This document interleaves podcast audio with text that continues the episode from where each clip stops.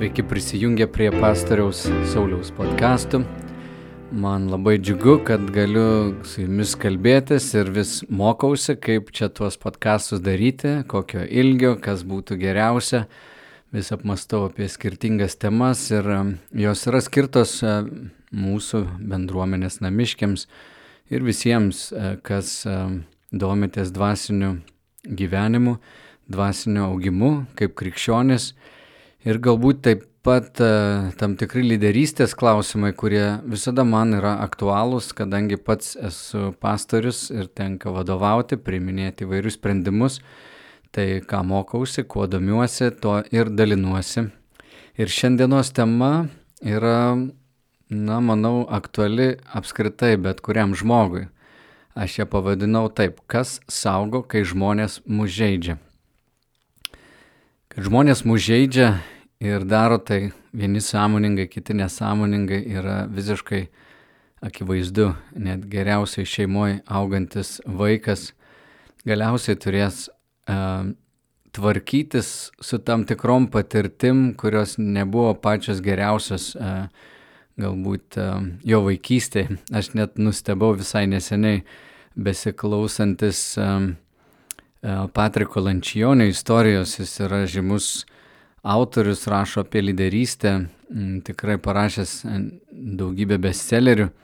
Jis pasakojo, kad vaikystėje jautėsi labai vienišas, nors augo labai geroj šeimoje, labai gerbė savo tėtį, mamą, labai dėkingas jiems, bet sako, jaučiausi visada toks vienišas ir tai privertė mane labai daug veikti, dirbti, stengtis ir 40 metų jis atsidūrė tokioj kriziai, kur niekas nebeteikė jam džiaugsmo ir suprato, kad daug tų pasiekimų jisai siekia tiesiog um, bandydamas užpildyti kažkokį vienatvės jausmą, kurį atsinešė nuo vaikystės, nors augo puikioje šeimoje.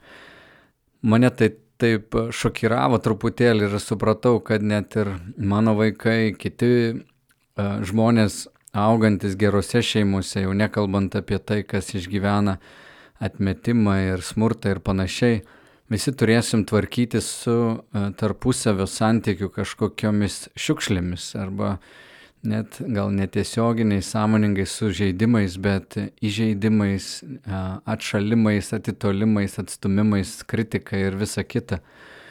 Ir tie dalykai mūsų sužeidžia, mes į gyvenimą ateinam ir, ir nešiojamės tą žaizdas. Ir klausimas, kai mes jau tampame labiau samoningi, kaip mums apsisaugoti nuo žmonių, nuo jų sąmoningų ar nesąmoningų tokių atakų ar, ar žaidimų e, mūsų atžvilgių. Aš pamenu, kai pirmą kartą perskaičiau Steveno Kavio knygą Septyni sėkmingiausių žmonių įpročiai dar 95 metais, buvau teatre Vokietijoje ir, ir pamenu, studijavau tą knygą ir ten vienas sakinys mane pagavo. Eleonora Roosevelt, Amerikos prezidento žmona, yra pasakius tokią frazę Niekas negali be tavo leidimo priversti tavęs jaustis menkesniu. Ir yra versijų skirtingų šito posakio ir kiti žmonės gal kitaip yra pasakę, kad iš esmės niekas negali tavęs sužeisti, jeigu tu nesuteiksi jiems leidimo tai padaryti. Um, ir atrodytų, ar, ar iš tiesų tai įmanoma. Ir galim pagalvoti, žmogus duoda man kokią nors kritiką, sako, nu, iš tavęs nieko gero neišeis. Šitie žodžiai užgauna ir gali labai stipriai paveikti savivertę. Jeigu būdamas vaikas, dar negebėdamas įvertinti viso svorio tokio sakinio, galiu net pasąmonį ilgai labai nešiotis, tokio iš tavęs nieko gero nebus. Ir vienas toks atsakymas atrodytų, na, nekreip dėmesio, neprimk to, Jeigu tu nesuteiksi tiem žodžiams jokios vertės, jie tavęs nesužeis. Ir tai yra tiesa. Yra tiesa, kad daug kas pasakyta mūsų atžvilgiu yra tiesiog žmogaus nuomonė, kartais labiau ir paskutiniai duomenys rodo, labiau atspindi patį žmogų. Grįžtamasis ryšys netgi 60 procentų yra labiau atspindi žmogaus, kuris atlieka vertinimą, o ne paties žmogaus, kuris yra vertinamas. Ir tai paskutiniai e, mokslininkų, sociologų tyrimai e, rodo tai. tai vien žinant tokią tiesą galim pasakyti, na, jeigu aš neprimsiu iš žmonių įsižeidimų, sužeidimų, kažkokių sakinių mano atžvilgiu, aš būsiu laisvas. Bet e, kalbant apie laisvą valią, mums labai svarbu suprasti ir bibliškai pamatyti, teologiškai truputėlį pamastyti, ar žmogus, kuris skiriasi nuo gyvūnų tuo, kad turi laisvą valią, ar žmogus, kuris turėdamas laisvą valią tikrai gali mane sužeisti. Laisva valia yra žmogaus pasirinkimas. Jis pats nusprendžia, ką jis nori daryti. Tarkim, žmogus įtempia lanką ir paleidžia strėlę, nusitaikęs į mane. Jo sprendimas yra mane sužeisti. Jis įtempia lanką, paleidžia strėlę ir šitoj vietoj baigėsi jo kontrolė. Ir labai svarbu suprasti, kad jis nebekontroliuoja situacijos, ar ta strėlė mane nužudys, ar sužeis, ar, ar apskritai pataikys į mane. Jeigu jis geras lankininkas, tai turbūt pataikys. Bet teologiškai ir tuo aš parodysiu jums iš švento rašto, kad žmogus tikrai nebekontroliuoja po to, kai jis padaro tą sprendimą savo viduje. Aš noriu paleisti šią strėlę. Paleidus ją, jinai eina ir čia prasideda jau Dievo erdvė, kur Dievas leidžia kažkokiems dalykams mūsų gyvenime įvykti, o kai kuriems dalykams ne. Žinoma, žmogus, kuris netiki Dievu, jis masto tiesiog, kad visa, kas mūsų supa, yra tiesiog žmonių pasirinkimai ir viskas galbūt vyksta atsitiktinai. Tačiau tikinti žmogus taip neturėtų mąstyti. Taip mąstė e, Levas Tolstojus. Jis buvo paragavęs ir turtų, ir šlovės, ir kol dar nepažinojo Dievo, ieškodamas atsakymų į klausimą dėl gyvenimo prasmės, kodėl jis gyvena, prie vienos išvados, štai kaip jis skamba, čia citata. Erdvės ir laiko begalybėje, be galo mažos detalės, be galo sudėtingai kinta. Iš esmės, kaip aš suprantu šitą sakinį, tai kad ir erdvėje, ir laiko toj begalybei viskas vyksta atsitiktinai. Iš esmės, žmogus gali pats savo susigalvoti laikiną prasme, bet jeigu nėra amžinojo gyvenimo, jeigu nėra aukštesnės būtybės, kuri mūsų sukūrė, nėra kurėjo, tai mes čia gyvenam tokiam chaose ir patys renkamės geriausia, ką sugebame. Ir viskas priklauso nuo mūsų. Bet jeigu pamastytume apie laisvą valią, ar iš tikrųjų laisva valia mus atvedė iki ten, kur mes esam. Jeigu tu dabar sėdi ir klausaisi šitų žodžių, galbūt tu esi automobilyje, gal eini, gal sėdi darbo vietoje, tikiuosi, ne darbo metu, klausaisi šitų žodžių. Tu galvoji, taip, aš pasirinkau važiuoti automobiliu šiandien, aš pasirinkau savo laisvą valią gyventi šitą mieste arba ateiti į darbą, daryti tą ar aną, bet jeigu grįžtam truputį anksčiau, kaip tu nusipirkai automobilį, kaip tu patekai į savo darbo vietą, ar viskas buvo tik tais tavo laisvos valios dėka, galim sukti truputį dar atgal ir labai greitai pamatysi, kad tavo laisva valia dalyvauja vis mažiau ir mažiau, tarkim, tu turi vaikų, ar tu pasirinkai, kad tau gimtų sunus, dukra? Atsakymas ne. Tai tarsi visiškas atsitiktinumas. Tu nekontroliavai tų dalykų. Ar tu rinkaisi, kokioje šeimoje gimsi, kokiame mieste. Ir čia jau darosi visiškai akivaizdu, kad tai, kas esame, kur gyvename, kur dirbame, su kuo bendraujame, nebėra vien mūsų laisvos valios pasirinkimas. Yra tikrai labai daug kintamųjų. Ir čia vėlgi lieka du pasirinkimai. Visa tai vyksta atsitiktinai, arba visa tai turi prasme ir kažkas, kabutėse iš viršaus, užsako muziką arba viską valdo, viską kontroliuoja.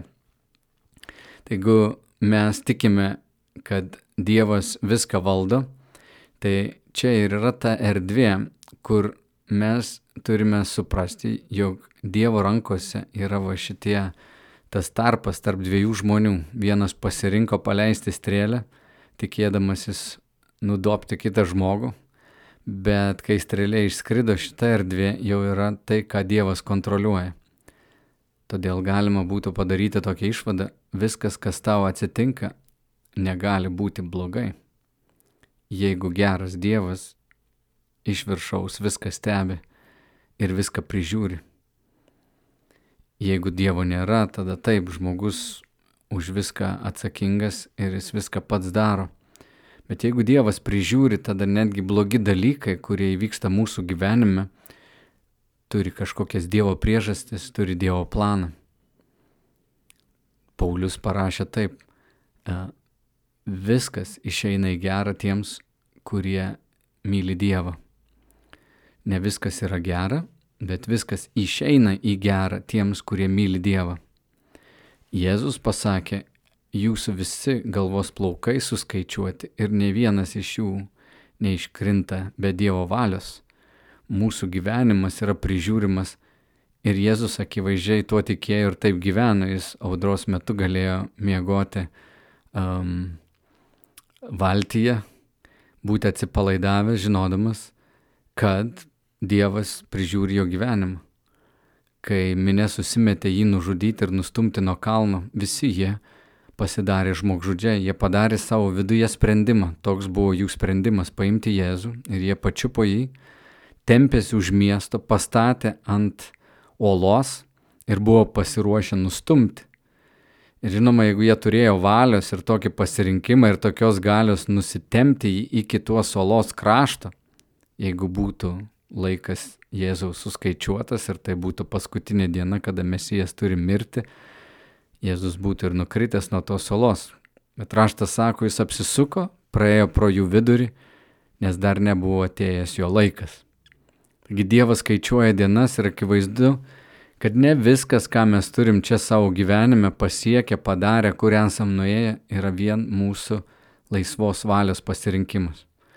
Žinoma, tai padaro mus daug nuolankesniais, jeigu mes priimam šitą tiesą ir aš randu savo širdyje didelį dėkingumo jausmą kai jaučiu, kad aš daug ko nenusipelniau savo gyvenime. Ta gerumą, kurį turiu, yra nenusipelnytas, tai iš tikrųjų vienintelė priežastis nuo širdžiai būti dėkingu.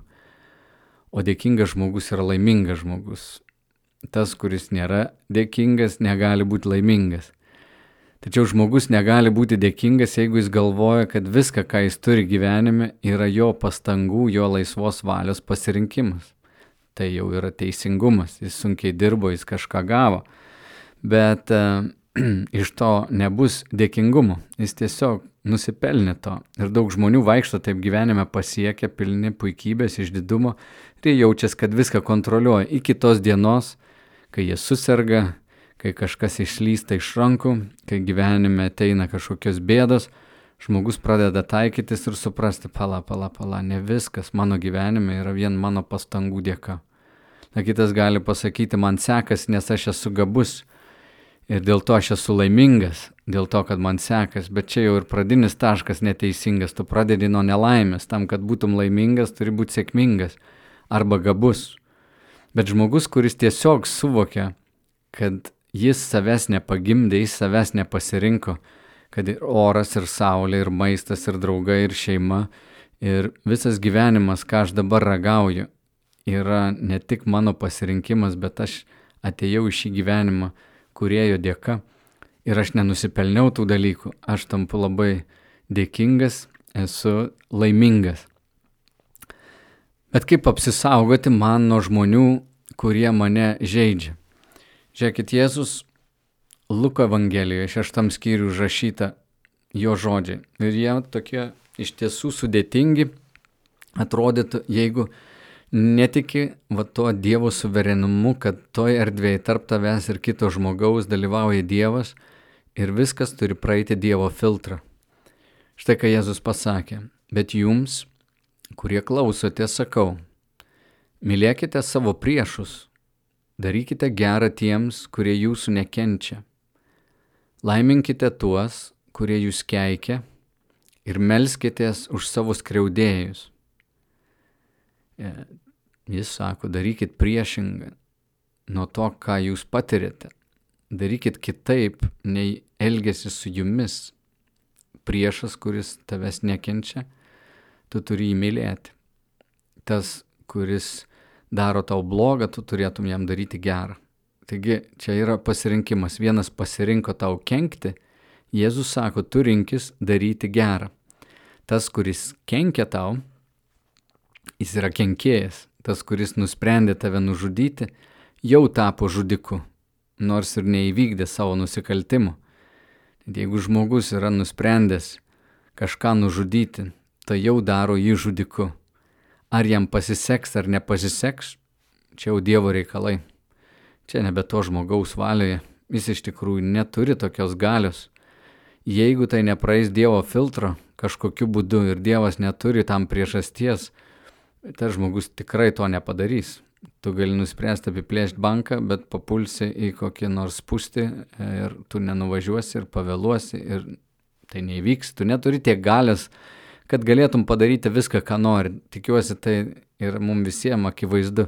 Ir tai labai guodžia. Vadinasi, Jėzus supranta, kad yra Dievas, jis pats yra Dievas, bet jis tėvų, tėvų savo taip pasitikė, kad joks žmogus negali jam pakengti. Jo laikas dar netėjo, jis yra visiškai ramus, jis praeina prominę.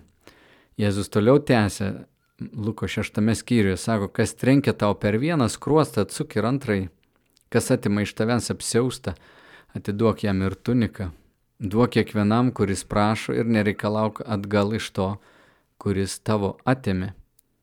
Kaip norite, kad jums žmonės darytų, taip ir jūs darykite jiems Jei mylite tuos, kurie jūs myli, tai koks čia jūsų nuopelnas? Juk ir nusidėjėliai myli juos mylinčius.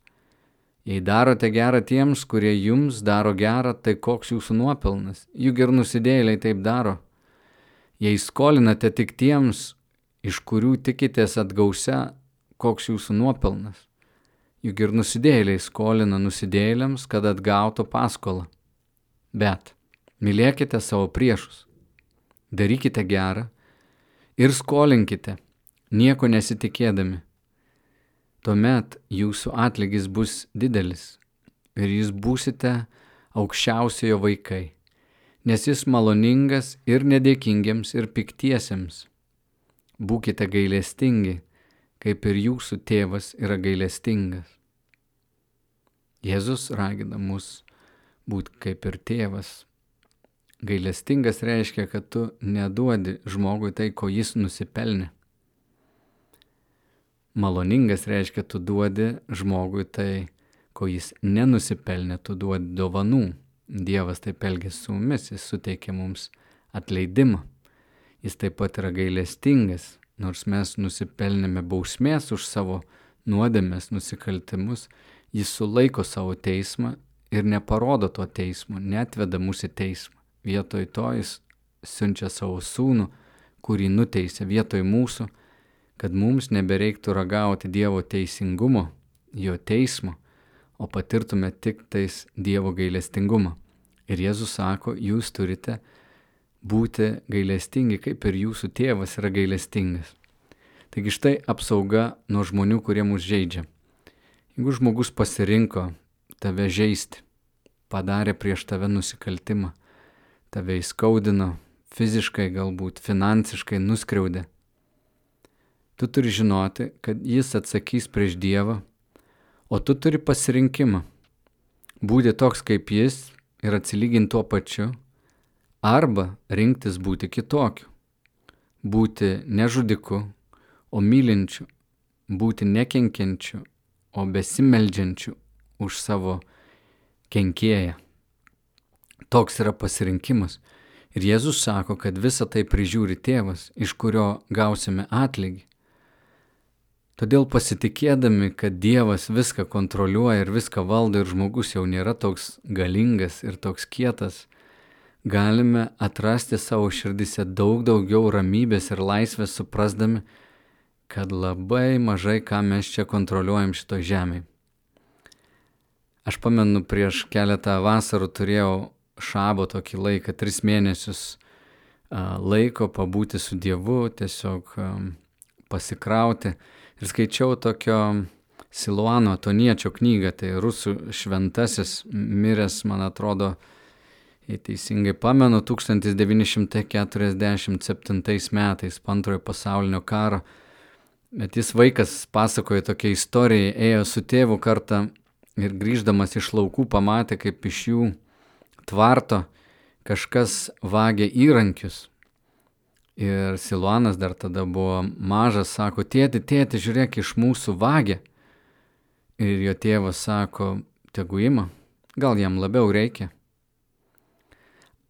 Aš skaičiau ir aš galvoju, nu, nežinau, ar mano prote dar įvykęs toks perversmas, nežinau, ar pasiekiau tokį suvokimą, kad tas vagis, kuris vagė, net jeigu jis mąstė savaitę prieš tai, kad pavoks, jis jau buvo vagis, o dabar jis vagė, na ir jam sekas išnešti, nelabai sekas pasislėpti, nelabai geras jis vagis, bet jis yra vagis ir prieš savaitę dar jis buvo vagis. Bet dabar, kai jis jau neša tą daiktą, kuris jam nepriklauso, jis praėjo kažkokį Dievo filtrą ir tai, kad iš Siluano atoniečio šeimos, iš jo tėvo namų yra išnešami daiktai, tai praėjo Dievo filtrą, Dievas leido tam įvykti ir tam yra priežastis. Ir mūsų kerštingumas šiuo atveju Siluano ar jo tėvo kerštingumas būtų padaręs savo darbą, kenksmingą darbą jo sieloje, bet pasakyti taip, gal jam labiau to reikia, rodo gilų pasitikėjimą, kad viskas turi praeiti Dievo filtrą, kad Dievas davė tam sutikimą ir kad gali būti man pakengta, o aš galiu pasirinkti palaiminti. Jeigu išmetam šitą Dievo dėmenį, mes liekam tik su vienu pasirinkimu keršyti, gaudyti bandyti visom pastangom įvesti teisybę savo gyvenime. Bet jeigu yra Dievas, tai aš atsakingas už savo pasirinkimą. Žinoma, matydamas smurtą savo aplinkoje arba kas prieš mane smurtauja, aš neturiu to pakęsti, aš galiu išeiti, aš galiu atsiskirti, aš galiu laiminti. Man nereikia kentėti, kol mane užmuš, kol man pakenks mirtinai aš turiu tą laisvą pasirinkimą. Nebūti šalia tokių žmonių, kurie ken, kenkia man. Bet visa, kas įvyksta, negali būti blogai, nes praėjo Dievo filtrą. Duosiu dar vieną pavyzdį ir baigsiu. Pradžios knygoje mes skaitome istoriją apie e, Jokūbą, kuris turėjo 12 sunų, vienas iš jų Juozapas, Jokūbo mylimas sunus kuriam jis davė rūbus, ypatingus, brangesnius už brolių rūbus. Juozapas pamato keletą tokių sapnų savo gyvenime, kad žvaigždės nusilenkia jam, saulė ir menulis nusilenkia, visi supranta, kad Juozapas kalba apie brolius, apie tėvą ir motiną, jie pradeda jam pavydėti, jie nori jam pakengti, galiausiai broliai susimeta, užmuškim jį. Ir tą momentą, kai jie nusprendė, tą akimirką, kad mes žudysim savo brolį, pamačiusi, pamatę jį ateinantį, jie apsitarė visi, kad nužudysim jį, jie tampa žmogžudžiais. Ir jį primuša, įmeta į duobę, palieka praktiškai numirti. Bet vienas iš brolių sako, klausykit, nesusitepkim krauju, um, parduokim jį.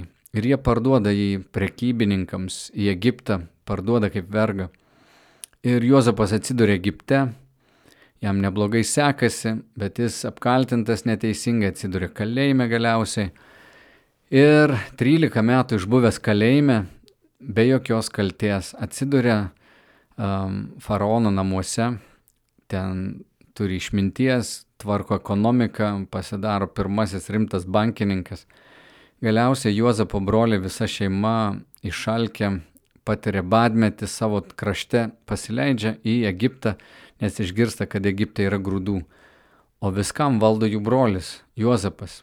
Jie mano, kad jis jau seniai miręs, jie ateina, žodžiu, trumpinu visą istoriją, galiausiai, kai ateina tos pagalbos, jie prieina prie Juozapo ir Juozapas jiems atsiveria ir sako, čia aš, jūsų brolis.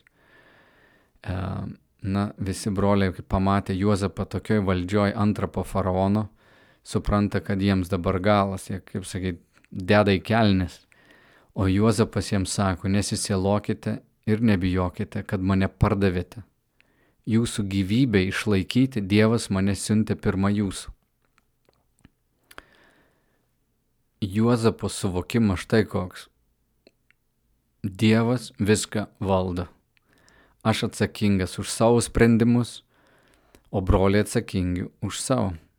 Ir šitoj vietoje broliai nesuvokė visiškai, jie planavo nužudyti, jų pasirinkimas buvo atsikratyti savo brolių, jie buvo menki, maži, pilni pavydo, juos užkniso Juozapo sapnai ir gal jie matė jį kaip arogantišką, žodžiu, jie nusprendė jį sunaikinti ir jie galvojo, kad jiem pavyks, bet iš tiesų jiem nepavyko tas sunaikinimas neįvyko, bet visa tai buvo Dievo plano dalis išgelbėti. Ir Juozapas tai supranta, broliai išgyvena ir labai baiminasi.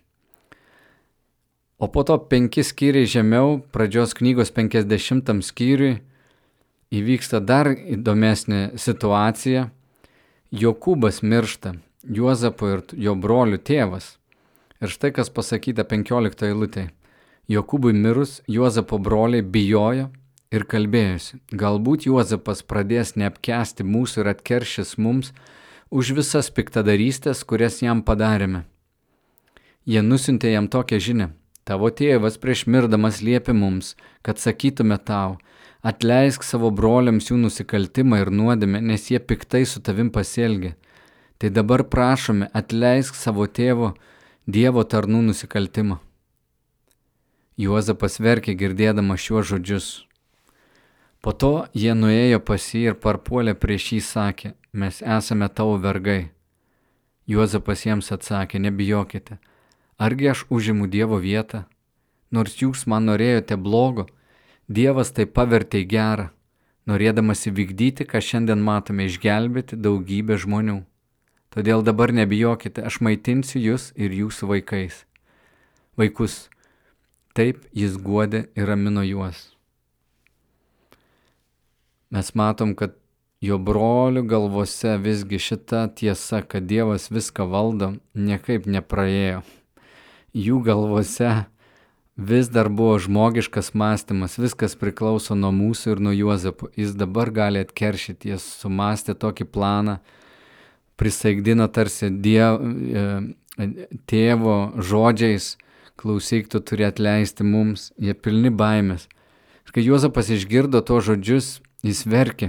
Ir aš galvoju, jis verkė ne dėl to, kad, oi, kažkaip čia netleidimas, kad tai blogai su manim pasielgė. Aš galvoju, kad Juozapas verkė labiausiai, nes matė, jog broliai dar nepasikeitė, jie nesuprato. Ir jis jiems vėl aiškina, nebijokit, argi aš užimu Dievo vietą.